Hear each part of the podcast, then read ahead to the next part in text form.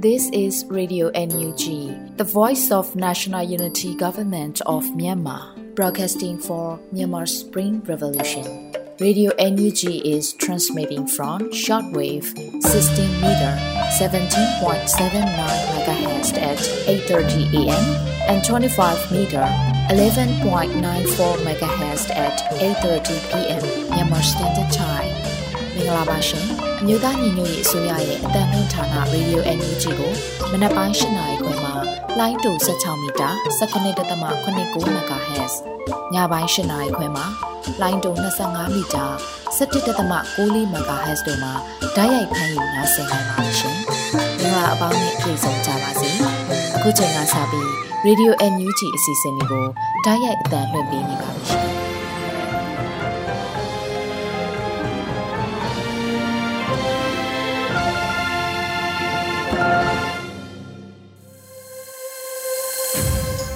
မြန်မာနိုင်ငံသူနိုင်ငံသားအပေါင်းတဘာဝပြီးဆရာနာရှင်ဘေးတို့ကနေကင်းဝေးပြီးကိုစိတ်နှပါအေဂျင့်လုံခြုံကြပါစေလို့ရေဒီယို NUG ဖွဲ့သူဖွဲ့သားများကနှုတ်ခွန်းဆက်တာအပ်ပါတယ်ရှင်။ခုချိန်ကစပြီးပြည်တွင်းသတင်းများကိုအေရီကတင်ဆက်ပေးသွားမှာဖြစ်ပါတယ်။မင်္ဂလာပါရှင်အခုချိန်ကစပြီး Radio NUG ညပိုင်းသတင်းများကိုတင်ပြပေးတော့မှာဖြစ်ပါတယ်အခုတင်ပြပေးမယ့်သတင်းတွေကိုတော့ Radio NUG သတင်းတာဝန်ခံနေနဲ့ခိုင်လုံတဲ့မိဖက်သတင်းအရင်းမြစ်တွေကနေအခြေခံထားတာဖြစ်ပါတယ်ကျွန်မကတော့ Airy ပါရှင် ပထမဆုံးအနေနဲ့စစ်အာဏာရှင်တို့ရဲ့ကြာဆုံးမှုဟာလက်တကမ်းအလို့ကိုရောက်နေပြီလို့ပြည်ထောင်စုလွှတ်တော်ကိုစားပြုကော်မတီဥက္ကဋ္ဌပြောကြားလိုက်တဲ့သတင်းကိုတင်ပြပေးပါမယ်။စစ်အာဏာရှင်တို့ရဲ့ကြာဆုံးမှုဟာလက်တကမ်းအလို့ကိုရောက်နေပြီလို့ပြည်ထောင်စုလွှတ်တော်ကိုစားပြုကော်မတီဥက္ကဋ္ဌဦးအောင်ကြည်ညွန့်ကအေပီလာအတွင်းကျင်းပခဲ့တဲ့ American ပြည်ထောင်စု Minnesota ပြည်နယ်ဈေးရောင်းပွဲတော်အခမ်းအနားမှာပြောကြားခဲ့တာဖြစ်ပါတယ်။ပြည်တွင်းကတော်လှန်ရေးအင်အားစုတွေကအသက်တွေဘဝတွေရင်းပြီးတိုက်ပွဲဝင်နေကြသလို ပြည်ပရောက်ညီနောင်တိုင်းရင်းသားတွေကလည်းငွေကြေးနီးပညာနဲ့စိတ်ဓာတ်အင်အားပူးပေါင်းတိုက်ခိုက်နေကြတာဖြစ်တဲ့အတွက်စစ်အာဏာရှင်တို့ရဲ့ကြာဆုံးမှုဟာလက်တကမ်းအလို့ကိုရောက်နေပြီဆိုတာသိကြတဲ့အဖြစ်ဖြစ်နေပြီဖြစ်ပါတယ်လို့ဆိုပါတယ်လက်ရှိမှာစစ်ကောင်စီတပ်တွေဟာစကိုင်းတိုင်းမကွေးတိုင်းနဲ့ကရင်ပြည်ဒေသကရင်ပြည်နယ်ချင်းပြည်နယ်တို့မှာအထိနာကြာဆုံးလျက်ရှိနေပါတယ်။ ကျွန်တော်တို့ရဲ့ညီညွတ်မှုကြောင့်စစ်အုပ်စုဟာတုံ့လှုပ်ခြောက်ခြားနေပြီဖြစ်တယ်လို့ကဘာကလည်းမြန်မာပြည်သူတို့ရဲ့စစ်အာဏာရှင်စန့်ကျင်ရေးသဘောထားကိုမြင်တွေ့နေကြပြီဖြစ်ပါတယ်လို့ပြည်ထောင်စုလွှတ်တော်ကိုစားပြုကော်မတီဥက္ကဋ္ဌကဆိုခဲ့ပါတယ်ရှင်ဆက်လက်ပြီးကမ္ဘာလုံးဆိုင်ရာမြန်မာပြည်ပွားများအစည်းအဝေးကိုမြို့သားညီညွတ်ရေးအစိုးရပြည်ထောင်စုဝန်ကြီးတွေတက်ရောက်မယ်ဆိုတဲ့သတင်းကိုတင်ပြပေးပါမယ်။အာရှနဲ့ဥရောပအတွက်လာမယ့်မေလ၁ရက်နေ့မြန်မာစံတော်ချိန်မနက်6နာရီခွဲ အမေရိကနဲ့ကနေဒါအတွက်ဧပြီလ30ရက်နေ့အမေရိကအရှေ့ပိုင်းစံတော်ချိန်ည8နာရီအနောက်ပိုင်းစံတော်ချိန်ညနေ9နာရီမှာပြုလုပ်မဲ့ကမ္ဘာလုံးဆိုင်ရာမြန်မာပြည်ပွားများအစည်းအဝေး Global Myanmar Forum ကိုမြန်မာနိုင်ငံမှပြည်ထောင်စုဝန်ကြီးတွေလည်းပါဝင်တက်ရောက်မှာဖြစ်ပါတယ်။အစည်းအဝေးကိုဝန်ကြီးဦးရီမော်ဝန်ကြီးဒေါက်တာစောဝေဆိုဝန်ကြီးဦးလွင်ကိုလက်ဝန်ကြီးဒေါက်တာဆာဆာ ဝန်ကြီးနိုင်ကောင်းရက်တို့နဲ့အတူတပ်အမတ်ကြီးဦးကျော်မိုးထွန်းတို့လည်းတက်ရောက်စကားပြောကြားကြမှာဖြစ်ပါတယ်။ပြည်သူ့ဘက်တော်သားတွေဖြစ်ကြတဲ့ဦးမျိုးရန်အောင်သိန်းမပန်ဆယ်လိုမတ်ရွှေမိုးကိုရီးယားကိုရဲမင်း AAC တို့နဲ့အတူနိုင်ငံတကာရောက်မြန်မာပြည်ပွားဦးဆောင်နေသူတွေလည်းတက်ရောက်ဆွေးနွေးသွားကြမှာဖြစ်တယ်လို့သိရှိရပါတယ်။ကမ္ဘာလုံးဆိုင်ရာမြန်မာပြည်ပွားများအစည်းအဝေး Global Myanmar Forum ကို၃လတကြိမ်ကျင်းပပြုလုပ်သွားမှာဖြစ်တယ်လို့လည်းသိရှိရပါတယ်ရှင်။ ဆက်လက်ပြီးအကြမ်းဖက်စစ်ကောင်ဆောင်မင်းအောင်လှိုင်ရဲ့နေအိမ်ကိုပြည်သူတွေအားလုံးပါဝင်ဝယ်ယူနိုင်အောင်တံမိုးတဲ့အစုရှယ်ယာသဘောမျိုးနဲ့ရောင်းချပေးသွားမယ်လို့ဝန်ကြီးဦးတင်ထွန်းနိုင်ကပြောကြားလိုက်တဲ့သတင်းကိုတင်ပြပေးပါအောင်မယ်။အကြမ်းဖက်စစ်ကောင်ဆောင်မင်းအောင်လှိုင်ရဲ့နေအိမ်ကိုပြည်သူတွေအားလုံးပါဝင်ဝယ်ယူနိုင်အောင်တံမိုးတဲ့အစုရှယ်ယာသဘောမျိုးနဲ့ရောင်းချပေးသွားမယ်လို့စီမံကိန်းဗန္ဒာရေးနဲ့ယင်းနှိမ့်မြုံနယ်မှုဝန်ကြီးဌာနပြည်ထောင်စုဝန်ကြီးဦးတင်ထွန်းနိုင်က end of dictatorship အာဏာရှင်အဆုံးသက်နေကုန်လုပ်ငန်းစဉ်များကိုမိတ်ဆက်ရမှာပြောကြားခဲ့တာဖြစ်ပါတယ်။ ယခုစီမံကိန်းသည်နှွေဦးတော်လှန်ရေးအမြန်ဆုံးအောင်ပွဲဆင်နိုင်မှုမဖြစ်မနေလိုအပ်လျက်ရှိတဲ့ဗန္နာရမုံငွေရှာဖွေရေးလုပ်ငန်းစဉ်တစ်ရက်လည်းဖြစ်ပါတယ်။ဒီလုပ်ငန်းစဉ်ရဲ့ကနအူးခြေလန်းတစ်ရက်အဖြစ်အကြံဖက်စစ်ကောင်းဆောင်မင်းအောင်လှိုင်ရဲ့အင်အားလန်ချန်အမှတ်14နေအိမ်ကိုပြည်သူတွေအားလုံးပါဝင်ဝယ်ယူနိုင်အောင်တန်မိုးတင်အစုရှယ်ယာသဘောမျိုးနဲ့ကြောင်းချပေးသွားမှာဖြစ်ပါတယ်လို့ဝန်ကြီးကဆိုပါတယ်။ End of Dictatorship Facebook page နဲ့ www.endofdictatorship.com website တို့ဟာအကြံဖက်စစ်ကောင်းဆောင်တွေရဲ့ပုဂ္ဂလိကပိုင်ဆိုင်မှုအိမ်ချမ်းမြေတွေကို NUG အစိုးရကကြိုတင်ရောင်းချမဲ့ pilot project နဲ့ဆက်လင်းတဲ့စီမံကိန်းခြေလှမ်းတွေကိုအချိန်နဲ့တပြေးညီတင်ပြသွားဖို့ဖွင့်လှစ်လိုက်တဲ့တရားဝင် internet စာမျက်နှာတွေဖြစ်ပါတယ်။အောင်လန်လွှင့်ချီຫນွေဦးထီအခွန်ထမ်းတော်လှန်ရေးနဲ့အတိုးမဲ့ငွေတိုက်စာချုပ်လုပ်ငန်းစဉ်တွေမှာ အမျိုးသားညီညွတ်ရေးအစိုးရနဲ့အတူလက်တွဲညီညီပါဝင်ပေးနေကြတဲ့တော်လန်ပြည်သူတွေအနေနဲ့ယခု end of dictatorship လုပ်ငန်းစဉ်မှာလည်းမစုံမနစ်အားထက်ပါဝင်ပေးကြဖို့အမျိုးသားညီညွတ်ရေးအစိုးရကိုစားကျွန်တော်အနေနဲ့အထူးလေးစားစွာမေတ္တာရက်ခံတိုက်တွန်းအပ်ပါတယ်လို့ဝန်ကြီးကဆိုပါတယ်ရှင်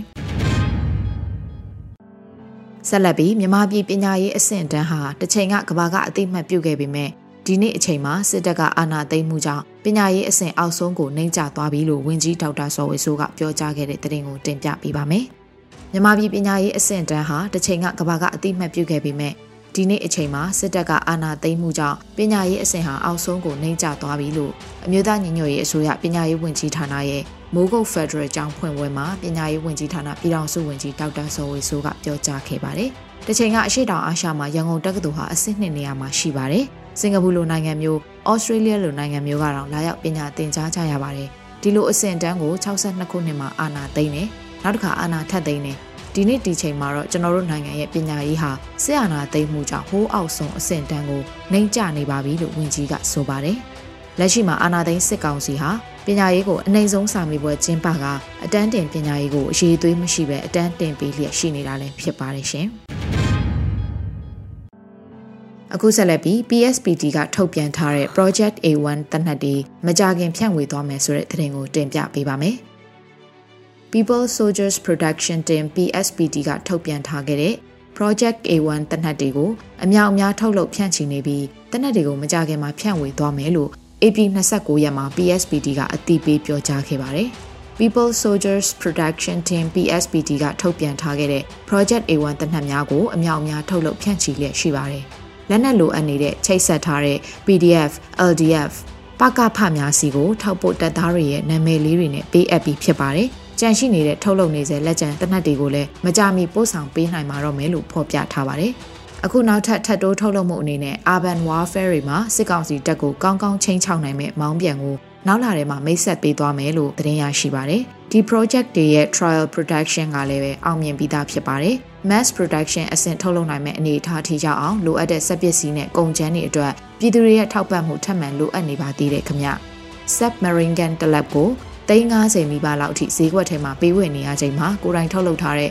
ဈေးနှုန်း၄ဆလောက်တက်တာတဲ့မောင်းပြန်တွေကိုပြည်သူ့ကာကွယ်ရေးတပ်သားတွေအတွက်ထုတ်လုပ်ပြီးမှာပါ။ဒီလက်နက်အပြင်ဘာတွေထပ်မံထုတ်လုပ်ထားလဲဆိုတာကိုလည်းပြည်သူတွေကိုမကြခင်ချပြသွားဖို့ရှိပါတယ်လို့ PSPD ကဆိုပါတယ်ရှင် ဆက်လက်ပြီးဂန်ကောကလေးလမ်းမိုင်းကို PDB အထူးတိုက်ခိုက်ရေး drone တပ်ဖွဲ့နဲ့ပူးပေါင်းအဖွဲ့တွေစစ်ဆေးလျက်ရှိနေတဲ့တဲ့တင်ကိုတင်ပြပေးပါမယ်။ AP 29ရက်မှာဂန်ကောကလေးလမ်းမိုင်းမှာပြူစောတိကျေးရွာတွေကိုစေဝါနဲ့ရိတ်ခါလမ်းကြောင်းပိတ်ဆို့ထားတဲ့အတွက်ခိုးယူသဲဆောင်မှုမရှိစေရေးနဲ့စစ်ကောင်စီထုတ်ကုန်တွေတည်ယူရောင်းချခြင်းမရှိစေဖို့ PDB အထူးတိုက်ခိုက်ရေး drone တပ်ဖွဲ့နဲ့ပူးပေါင်းအဖွဲ့တွေကသွာလာရှင်တွေကိုနေ့စဉ်စစ်ဆေးလျက်ရှိပါတယ်လို့သိရှိရပါတယ်။လက်ရှိမှာစကိုင်းတိုင်းအတွင်း Mindel Singkat နဲ့ မြမဘီယာ Ruby Secret စတဲ့စစ်တပ်ထုတ်ကုန်တွေတည်ယူပို့ဆောင်ခြင်းရောင်းဝယ်ဖောက်ကားခြင်းတွေကိုကာကွယ်ရေးတပ်တွေကတားမြစ်ထားတာလည်းဖြစ်ပါတယ်ရှင်။ညီနောင်မဟာမိတ်၃မြို့နယ်ပူးပေါင်းပြီးစလင်းကြီးမြို့နယ်ကြက်တက်မြို့စခန်းကိုစခန်းသိမ်းတိုက်ပွဲဆင်နွှဲရမှာစစ်ကောင်စီတပ်ဖွဲ့ဝင်9ဦးသေဆုံးခဲ့တဲ့ဆိုတဲ့သတင်းကိုဆက်လက်တင်ပြပေးပါဦးမယ်။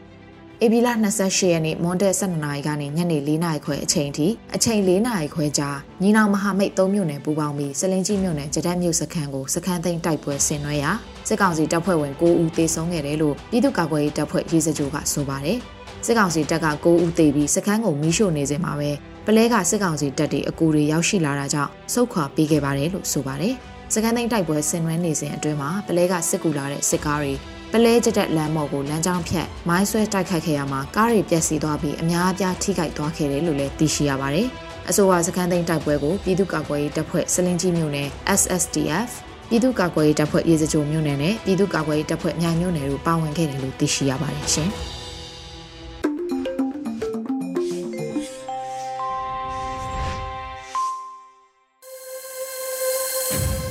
ရေဒီယို NUG မှဆက်လက်တမ်းလွှင့်နေပါတယ်ခုဆက်လက်ပြီးငါတို့မှငါတို့ရှိတဲ့စောင့်မအမှတ်20ကိုထိန်လင်းကတင်ဆက်ပေးပါမယ်ရှင်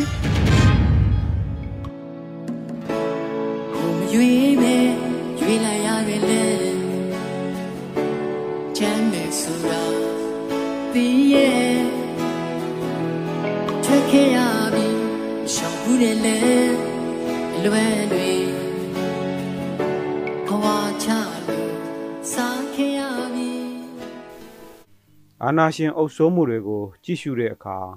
လူနည်းစုတွေက လူများစုအပေါ်အနိုင်ကျင့်လွှမ်းမိုးမှုက အများဆုံးဖြစ်ပါတယ်မြမပြည်ရဲ့အာနာရှင်ခေတ်အဆက်ဆက်မှာလဲအုပ်စိုးသူလူနည်းစုက လူများစုဖြစ်တဲ့ပြည်သူလူထုအပေါ်အနုနည်းရော အကြမ်းနည်းနဲ့ပါဗိုလ်ကျစိုးမိုးခဲ့တာဖြစ်ပါတယ်။တောင်အာဖရိကနိုင်ငံမှာဆိုရင်လဲဒီလိုပါပဲ။ တိုင်းပြည်လူဦးရေရဲ့ဆယ်ပုံတစ်ပုံတောင်မရှိတဲ့လူပြူတွေကတိုင်းပြည်ကိုအုပ်ချုပ်ပြီးလူမျိုးရေးခွဲခြားဆက်ဆံမှု အကြီးအကျယ်လုပ်ခဲ့ဖိနှိပ်ခဲ့ပါတယ်။ A good head and a good heart are always a formidable combination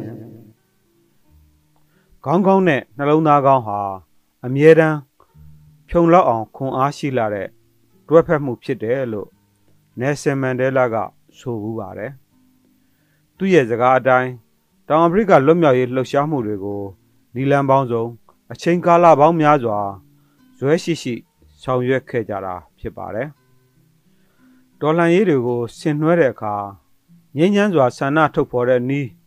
အာနာဖီဆန်အန်တုတဲ့နီးလက်နက်ကင်တော်လှန်နီးစသဖြင့်နီလန်ပေါင်းများစွာအသုံးပြုခဲ့ကြပြီးဘယ်နည်းကသာမှန်ကန်တယ်လို့ ယတိပြမပြောနိုင်ပါဘူးသက်ဆိုင်ရာတော်လှန်ရေးများရဲ့အခင်းကျင်းအုပ်စိုးသူတွေရဲ့တုံ့ပြန်ဆောင်ရွက်မှုနဲ့တော်လှန်ရေးအင်အားစုများရဲ့ချုံးဖြတ်ရွေးချယ်မှုတွေနဲ့သက်ဆိုင်ပါတယ်အခြေအနေပေါ်မှာမူတည်ပြီးနီးစနစ်ပြောင်းလဲရတာနဲ့ပတ်သက်လို့ကြားဘူးတဲ့အကြောင်းအရာလေးတစ်ခုဝေငှပါရစေမြန်မာပြည်လွတ်လပ်ရေးတိုက်ပွဲဝင်စဉ်ကာလအတွင်းအကြိမ်ကြိမ်အဖမ်းခံရတဲ့နိုင်ငံရေးသမားတဦးဟာ ထောင်တွင်းမှာအခွင့်အရေးတောင်းဆိုပြီးဆိုရင်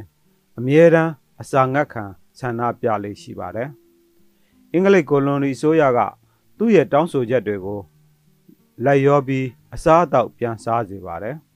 ။တိုင်းတစ်ပါးသားကိုလွန်ရီဆိုရကလူကိုလူလိုတံမိုးထားတာကြောင့်အရေးဆိုတိုင်းဂယုတစိုက်ဆွေးနွေးပြီးလိုက်ရောခဲ့တာဖြစ်ပါတယ်။ဂျပန်အုပ်ချုပ်တဲ့ဖက်စစ်စနစ်အောက်မှာတော့စောစောကနိုင်ငံရေးသမားဟာ လုံးဝအစာငတ်ခံပြီးခြံနာမပြပါဘူး။ဖက်စစ်ဆိုရကအစာငတ်ခံပြီးသူအသေးခံသွားရင်တော့ဂယုဆိုင်မှာမဟုတ်ဘူးဆိုတာသိထားလို့ပါ။ဒါကြောင့်နီလန်တစ်ခုဟာတချို့သောအချိန်တွေအတွက်ကောင်းမွန်မဲ့တချို့အချိန်တွေမှာတော့အံဝင်ခွင်ကြဖြစ်ဖို့မလွယ်ပါဘူး။တခါတရံဖြစ်ပေါ်လာတဲ့အနေအထားအရတော်လန်မှုပုံစံအလှည့်ပြောင်းတွေလည်းရှိတတ်ပါတယ်။တောင်အာဖရိက လူမျိုးရေးခွဲခြားမှုဆန့်ကျင်ရေးလှုပ်ရှားမှုဟာအကြမ်းမဖက်တဲ့လှုပ်ရှားမှုတွေနဲ့စတင်ခဲ့တာပါ။1948ခုနှစ်မှာအာဏာရလာတဲ့အမျိုးသားပါတီ The National Party ကအဖတ်ဟိလို့ခေါ်တဲ့လူမျိုးရေးခွဲခြားမှုစနစ်ကိုစတင်ကျင့်သုံးပြီးလူပြူတွေပဲကြီးစိုးဖို့ဆောင်ရွက်ခဲ့ပါတယ်။အဲ့ဒီစနစ်အရလူပြူတွေပဲလုပ်ကင်ခွင့်ရှိတဲ့အလုပ်လူပြူတွေပဲတက်ခွင့်ရှိတဲ့အကြောင်း လူပြူတွေပဲနေထိုင်ခွင့်ရှိတဲ့အရက်တွေသတ်မှတ်ထားသလိုထွေထွေရွေးကောက်ပွဲများကိုလည်းလူပြူတွေကသာမဲပေးခွင့်ရှိပါတယ်။နိုင်ငံရေးစစ်ရေးပညာရေးနဲ့ချမ်းသာကြွယ်ဝမှုအားလုံးလူနည်းစုလူပြူတွေရဲ့လက်ထဲမှာပဲရှိပါတယ်။နိုင်ငံရဲ့အချုပ်အခြာအာဏာကို လူပြူတွေကသာပိုင်ဆိုင်အောင်လုပ်ထားတဲ့စနစ်ပါ။ဒီစနစ်ကမြန်မာပြည်မှာ2008အခြေခံဥပဒေနဲ့ စစ်တပ်ကအမြဲတမ်းအာဏာရယူနိုင်အောင်လှုပ်ထားတာနဲ့တိတ်မကွာပါဘူးဒီလိုခွဲခြားတဲ့စနစ်ကိုတော်လှန်ဖို့နယ်ဆင်မန်ဒလာအပါဝင်တောင်အာဖရိကလူမဲခေါင်းဆောင်တွေကတပိတ်မောက်တာငင်းညမ်းစွာခြိတက်လမ်းလျှောက်တာမတရားတဲ့အမိန့်တွေကိုဖီဆန်တာတွေလှုပ်ဆောင်ခဲ့ကြပါတယ်ဒီလိုအန်တုတဲ့လှုပ်ဆောင်မှုတွေကဂျိုဟန်နစ်ဘတ်ကေပတောင်းတို့ကနေတဆင့်မြို့ငယ်လေးတွေအထိပြန့်နှံ့သွားပါတော့တယ် 1955ခုနှစ်မှာမန်ဒဲလာနဲ့အာဖရိကမျိုးသားကွန်ဂရက် ANC အဖွဲ့ဝင်အများအပြားအစိုးရကိုဆန့်ကျင်မှုနဲ့အဖမ်းခံခဲ့ရပါတယ်။သူတို့ကိုတရားစွဲခဲ့ပေမဲ့ပြစ်ဒဏ်ချမှတ်နိုင်ခြင်းမရှိပါဘူး။ဒါပေမဲ့သူတို့ကိုအစိုးရကတတိထားစောင့်ကြည့်ခဲ့ပါတယ်။အစိုးရအနေနဲ့အာဏာကိုဘယ်သူကမှချင်းချောက်ထိပါတာလက်မခံပါဘူး။အာဖရိကမျိုးသားကွန်ဂရက် African National Congress ANC အဖွဲ့ဟာလူမဲပြည်သူများအနေနဲ့နိုင်ငံရေးအပြောင်းလဲဖန်တီးဖို့အားပေးတိုက်တွန်းတဲ့အဖွဲ့ဖြစ်ပြီးလူမဲများမဲပေးခွင့်ပုံမရရှိရေးကြောင်းကောင်းအလုတ်ကောင်းများတက်ရောက်လုပ်ကင်ခွင့်ရရှိရေးတွေကိုကြိုးပမ်းခဲ့ပါတယ်။နယ်ဆယ်မန်ဒဲလာကအဲ့ဒီအဖွဲ့ရဲ့အရေးကြီးအစိတ်ပိုင်းတစ်ခုဖြစ်တဲ့လူငယ်အဖွဲ့ချုပ် ANCYL ကိုအာယုံစိုက်ပြီးအကူအညီပေးပါတယ်။ ANCYL က ကျောင်းသားတွေနိုင်ငံရေးမှာပါဝင်လာဖို့ကြိုးပမ်းပါတယ်။လူယူမဟုတ်သူများကို ခွဲခြားဆက်ဆံတဲ့ apartheid စနစ်ကို ANC နဲ့ ANCYL တို့ကဆန့်ကျင်ခဲ့ကြပါတယ်။ငင်းညမ်းတဲ့နီးတွေနဲ့အန်တုနေတဲ့ပြည်သူတွေကို လူပြူဆိုးရကအကြမ်းဖက်တပ်ဖြတ်လိုက်ချိန်မှာတော့လက်နက်ကင်လမ်းစဉ်နဲ့ခုခံတော်လှန်ဖို့လဲဆုံးဖြတ်ချက်ချလိုက်ကြပါတော့တယ်။ဒါဟာ အခြေအနေကတွန်းပို့လိုက်တဲ့တော်လန်ရေးနီးနာတစ်ခုဖြစ်ပါတယ်။တော်လန်ရေးဆိုတာအချိန်ကာလနဲ့အလှည့်အပြောင်းအချိုးအကွေတွေကိုမျိုးစုံဖြတ်တန်းရမှာဖြစ်ပေမဲ့အောင်မြင်ဖို့ဆိုရင် အဆုံးထိရောက်အောင်သွားရမှာဖြစ်ပါတယ်။ဒါတွေဟာကြုံရမြဲဖြစ်တာကြောင့်အားငယ်ဖို့မလိုပါဘူး။ငါတို့မှာငါတို့ရှိပါတယ်။ကျေးဇူးတင်ပါတယ်။အနုချေကိုင်းတဲ့လက်တွေကို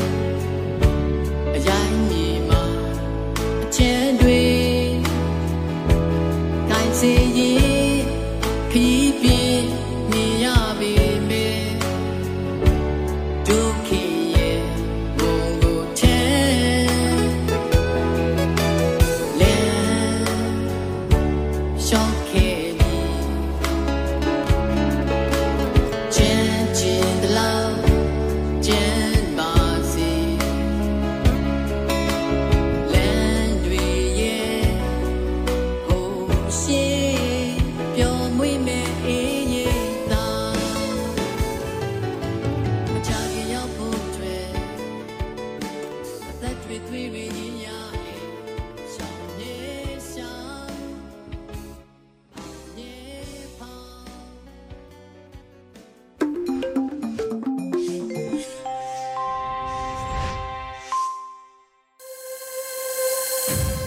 ဆက်လက်ပြီး Radio Energy တော်လိုင်းကြပြကဏ္ဍမှာတော့မင်းကိုနိုင်ရဲ့တမိုင်းသိရေးမဲ့လက်များဆိုတဲ့ကြပြလေးကိုနားဆင်ခံစားကြရပါမယ်ရှင်။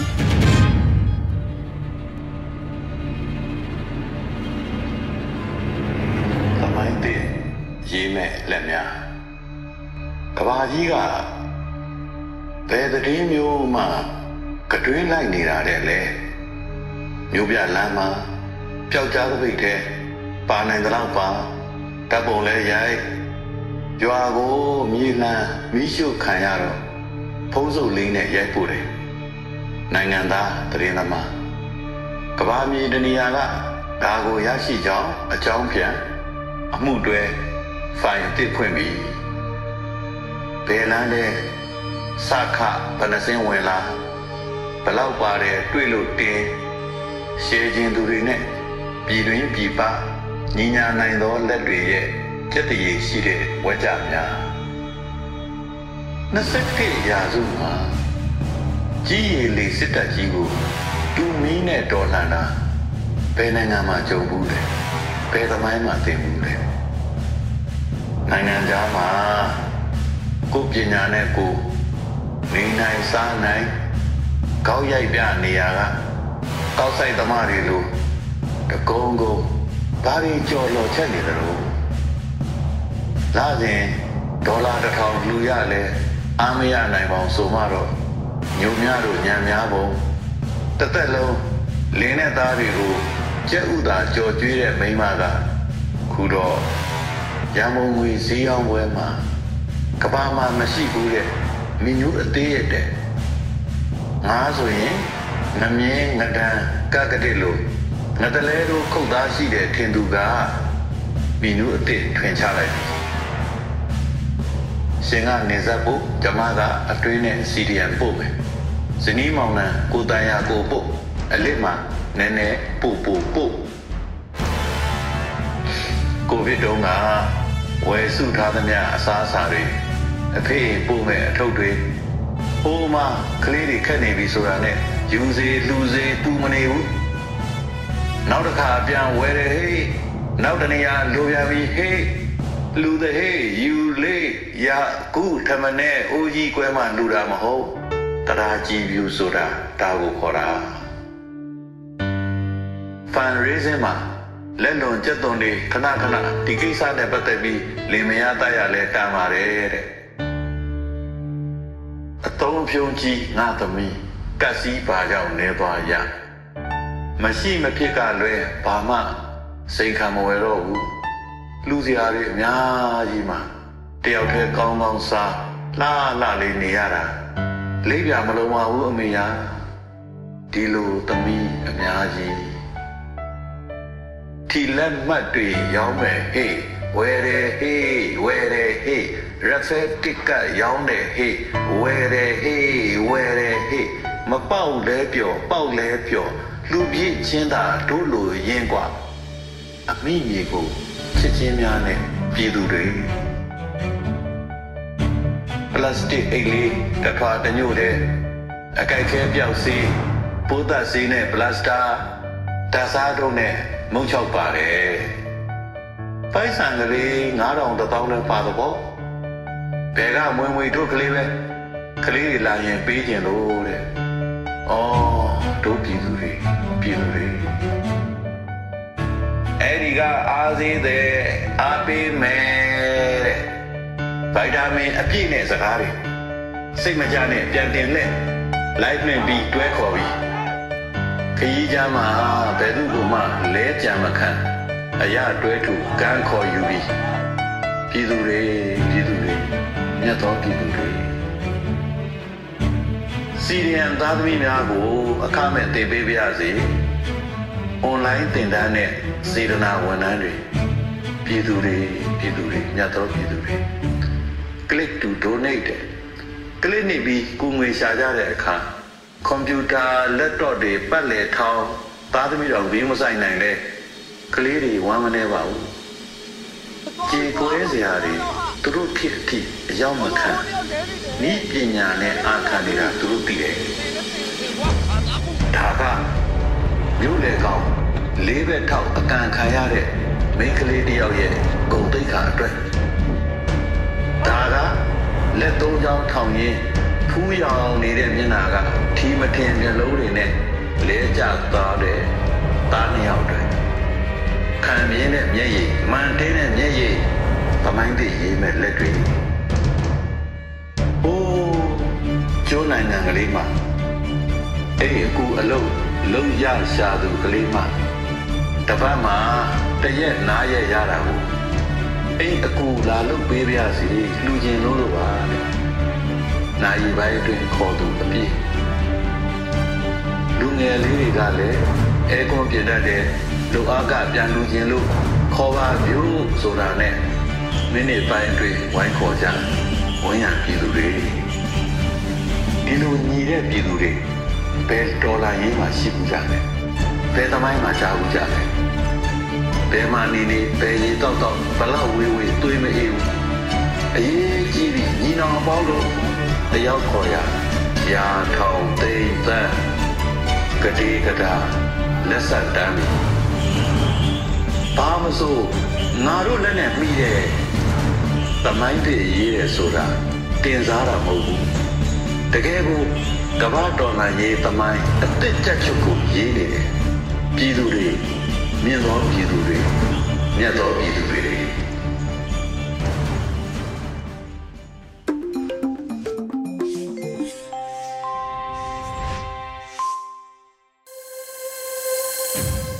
ခုဆက်လက်ပြီးတော့ရှေ့နေလဲဖမ်းဆီးခံရနိုင်တဲ့နိုင်ငံ စစ်ဘေးရှောင်ပြေးရမှာတရားကျူးလို့ရင်းနှီးရတဲ့ဘဝတွေဆိုတဲ့မုံမခဆောင်းပါးလေးကိုတော့ကျမຫນွေဦးမောင်ကဖတ်ကြားပေးပါမယ်ရှင်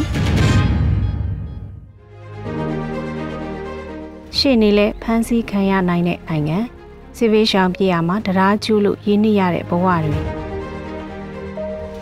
မန္တလေးမြို့မှာ NLD ပါတီကတိုင်းဝင်ကြီးချုပ်ဟောင်းဒေါက်တာဇော်မြင့်မောင်ရဲ့အမှုကိုလိုက်ပါဆောင်ရွက်နေတဲ့ ထင်ရှားတဲ့အမျိုးသမီးရှိနေတူဖြစ်သူဒေါ်ရွနုအောင်ကိုဂျမန်နီညကစစ်ကောင်စီကဖမ်းဆီးလိုက်တယ်လို့သတင်းတွေမှာဖော်ပြကြပါတယ်။စောစောပိုင်းမှာခုရက်ပိုင်းတွင်နာမည်ဆိုးနဲ့သတင်းထွက်လာတဲ့သွေးတောက်အဖွဲ့ကဖမ်းဆီးသွားတဲ့သဘောမျိုးအချို့ကဆိုရှယ်မီဒီယာမှာဖော်ပြကြပေမဲ့နောက်ပိုင်းသတင်းဖော်ပြမှုတွေအရတော့စစ်ကောင်စီကဖမ်းဆီးသွားတယ်လို့ဖော်ပြထားကြတာတွေ့ရပါတယ်။မြန်မာနိုင်ငံရဲ့အခြေအနေကလက်နက်ရှိသူဘယ်သူမဆိုဖမ်းဆီးနိုင်တပ်ဖြတ်နိုင်တဲ့အခြေအနေမျိုးရောက်ရှိနေပြီး အစိုးရလို့၎င်းတို့ကို၎င်းတို့ခေါ်ဆိုတဲ့စစ်ကောင်စီကလည်းဆိုရတရက်ရဲ့အင်္ဂါနဲ့ကိုက်ညီတဲ့ဥပဒေကြောင်းအရလှုပ်ဆောင်တာမဟုတ်ပဲဖမ်းကျင်တဲ့သူကိုဖမ်းပြီးပုံမှန်905ကာကြီးလိုမျိုးနဲ့အ ਨੇ ဆုံးဆွဲတင်အပြစ်ပေးနိုင်တဲ့အနေအထားဖြစ်တယ်လို့အဲ့ဒီထက်ဆိုးရွားတဲ့အခြေအနေတွေမှာကာယကံရှင်ကိုဖမ်းဆီးလို့မရတာကြောင့်ခင်မွန်ဇနီးမိဘနဲ့အရွယ်မရောက်သေးတဲ့ကလေးငယ်တွေပါတစားကန်အဖြစ်ခေါ်ဆောင်သွားလိရှိတာနေအိမ်တွေကိုချိတ်ပိတ်သိမ်းဆဲတာဖမ်းဆီးခံရသူတွေကို ရိုက်နှက်ညှဉ်းပန်းနှိပ်စက်ရမှာလဲလက်လွန်ပြီးအသက်ဆုံးရှုံးမှုတွေရှိပေမဲ့လည်းဘယ်သူမှအရေးယူမခံရပဲကျူးလွန်သူတွေအပြစ်ပေးမခံရတဲ့အခြေအနေတွေကိုရောက်ရှိနေပြီဖြစ်ပါတယ်။ပြီးခဲ့တဲ့ရက်ပိုင်းကမှစတင်ပေါ်ထွက်လာတဲ့သွေးတောင်ဖွဲ့ဆိုတာမျိုးလဲပေါ်ထွက်လာပြီ။စစ်ကောင်စီကိုထောက်ခံသူတွေဘက်ကနေလက်မရလုံခြံသက်ဖြစ်တဲ့ဂိုင်းဖြစ်နဲ့ပေါ်ထွက်လာတာမျိုးလို့ယူဆရပါတယ်။စစ်ကောင်စီစက်ကြီးရေးဘက်က NLD PDF တွေမိသားစုတွေသတင်းတူသတင်းမှားတွေကိုထုတ်လုပ်ဖြန့်ချီနေတဲ့သတင်းမီဒီယာသမားနဲ့ဆွေမျိုးသားချင်းတွေ CDM လုပ်သူတွေကို social punishment လုပ်ဖို့ online မှာလှုံ့ဆော်နေသူတွေပြည်ပရောက်နေပြီးပြည်ရင်းမှာတိုက်ခတ်မှုတွေလုပ်ဖို့လှုံ့ဆော်နေသူတွေအစရှိတဲ့အမျိုးအစား6မျိုးကိုလောက်ကျန်တိုက်ခိုက်တာတွေတပ်ဖြတ်တာတွေလုပ်မယ်လို့ Telegram platform မှာဖွင့်လှစ်ထားတဲ့အကောင့်တွေ group တွေထဲဖော်ပြထားတာဖြစ်ပါတယ်။ခုကမှာတော့သွေးတောက်တွေလက်ချက်နဲ့မန်လေးမြို့မှာပြီးခဲ့တဲ့ရက်ပိုင်းအတွင်းလောက်ကျန်တပ်ဖြတ်ခံရသူ9ဦးကနေ10ဦးအထိရှိနေပြီ။ဒီနေ့မှာတော့ရန်ကုန်မြို့မှာလည်းတရုတ်ဆောင်ဟိန်းထက်ရဲ့အဖို့ဖြစ်သူနေအိမ်မှာရှိနေစဉ်နေခင်းမှာပဲတက်နက်နဲ့ပြစ်တက်သွားတာခံလိုက်ရပြီး သွေးတောက်တွေလက်ချက်လို့ online မှာကြေညာခဲ့ပါတယ်။သွေးတောက်ဖွဲ့တွေမန်လေးတွေမကခြားသောမြို့ကြီးတွေနေတွေမှာပါဖွဲ့စည်းထားပုံရတယ်လို့ခန့်မှတ်ရပြီးခုခ NLD ပါတီကလွှတ်တော်ကိုယ်စားလှယ်တွေမိသားစုဝင်တွေနဲ့ PDF မိသားစုတွေကိုလှုပ်ကြံတက်ဖြတ်တာတွေဖြစ်ပွားလာနေပြီလို့ဆိုရမှာပါဒီနေ့အတွက်အခြားသတင်းတစ်ပုဒ်ကတော့တမြန်နေ့ကကလေးမျိုးအနီးကမြစ်သားမြစ်အနီးကကျေးရွာတွေမှာ PDF နဲ့စစ်ကောင်စီတပ်တွေတိုက်ပွဲဖြစ်ပွားလို့ထွက်ပြေးတိမ်းရှောင်ကြရမှာမြစ်သားမြစ်ကိုဖျက်ကူးဖို့ခဏခနဲ့တရားကျူးကြရမှာ မြို့သမီးကလေးငယ်တက်ကြီးရွယ်အိုရှိဦးသေဆုံးခဲ့တဲ့သတင်းဖြစ်ပါတယ်တရားကလူအများသွားလာဖို့ဆိုလာထက်တဦးစနှစ်ဦးစလေယာလုတ်သူတွေဖျက်ကူးတဲ့တရားဖြစ်လို့လူအများနဲ့ပစ္စည်းပစ္စည်းရနဲ့အစုပြီးဖြတ်ကူရမှာကြိုးကြခဲ့တာလို့သတင်းတွေကဆိုကြပါတယ်။ခုလိုဖြစ်ပဟာစစ်ဘေးရှောင်ကြရတဲ့ရက်သားတွေဖို့ကန်ဆိုးမှတွားရမိုးလိုက်လို့ရွာဆိုတဲ့စကပုံထက်ပိုဆိုးရွားတဲ့မဗရာအဖြစ်အပျက်လိုမျိုးနဲ့နိုင်ရှင်ရမယ့်အခြေအနေမျိုးဖြစ်ပါတယ်။အသက်ဘေးကလွတ်အောင်တိုင်းရှောင်ပြေးတဲ့အခါမှာ အခြားသောမတော်တဆမှုနဲ့အသက်ဆုံးရှုံးရတဲ့အဖြစ်မျိုးကြုံရတာဖြစ်ပါတယ်။မြမပြည်သူလူထုရဲ့ဒုက္ခတွေကတော့စာဖွဲ့လို့မကုန်နိုင်လောက်အောင်ဖန်ဆီးခံရတပ်ပြတ်ခံရနေအိမ်မီလောက်ရိတ်ခါဆုံးရှုံးကုဆက်ယောဂပဲစသဖြင့်ဆိုးရကအဆိုးဆုံးအခြေအနေတွေကိုရင်ဆိုင်ဖြစ်ကြုံနေကြရတာဖြစ်ပါတယ်။ဒီအခြေအနေတွေကိုရင်ဆိုင်ကြရမှာအသက်ရှင်သန်မှုအနေဆုံးလိုအပ်ချက်ဖြစ်တဲ့ရိတ်ခါစေဝါအမိုးကာစတဲ့လူသားချင်းစာနာမှုအကူအညီလက်ခံရရှိဖို့ကိုယ်၌ကလည်းအခက်အခဲတွေရှိနေတာဖြစ်ပါတယ်။ ကုလသမဂ္ဂလူသားချင်းစာနာမှုအကူအညီကစစ်ဘေးရှောင်တွေရှိတဲ့နေရာတိုင်းကိုပေးခွင့်ရမနေတဲ့အခက်အခဲတွေဒီလိုလက်နက်ကင်ပြိပခလားနယ်ချီနှစ်နယ်ချီကြာလာတဲ့အထိ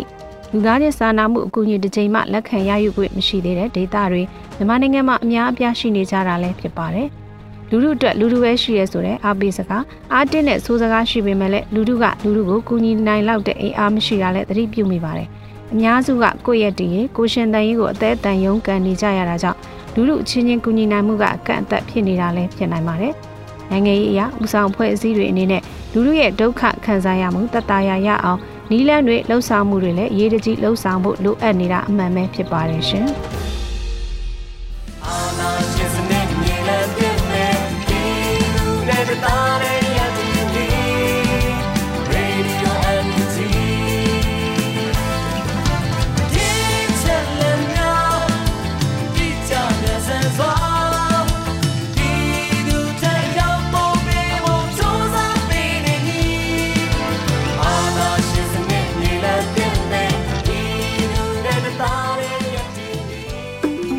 ကနေ့ကတော့ဒီညနဲ့ပဲ Radio NUG ရဲ့အစီအစဉ်လေးကိုခਿੱတရနာလိုက်ပါမယ်ရှင်။မြမစံတော်ချိန်မနက်၈နာရီခွဲနဲ့ည၈နာရီခွဲအချိန်တွေမှာပြန်လည်ဆုံတွေ့ကြပါစို့။ Radio NUG ကိုမနက်ပိုင်း၈နာရီခွဲမှာလိုင်းတူ16မီတာ19.8 MHz ညပိုင်း၈နာရီခွဲမှာလိုင်းတူ25မီတာ17.6 MHz တို့မှာဓာတ်ရိုက်ဖမ်းလို့နိုင်စေနိုင်ပါပြီ။ မြန်မာနိုင်ငံသူနိုင်ငံသားတွေကိုစိတ်နှပြကျမ်းမာချမ်းသာလို့ဘေးကင်းလုံခြုံကြပါစေလို့ Radio NUG အဖွဲ့သူဖွဲ့သားတွေကဆုတောင်းမြတ်တာပို့တာနေပါတယ်ရှင်။မြေသားမျိုးတွေအစိုးရရဲ့စက်တော်ရင်သတင်းအချက်အလက်တွေလုပ်ပညာဝန်ကြီးဌာနကထုတ်လွှင့်နေတဲ့ Radio NUG ဖြစ်ပါတယ်။ San Francisco Bay Area အခြေစိုက်မြန်မာမိသားစုတွေနဲ့နိုင်ငံတကာကစေတနာရှင်တို့အားပေးနေတဲ့ Radio NUG ဖြစ်ပါတယ်။အရေးတော်ပုံအောင်ရမည်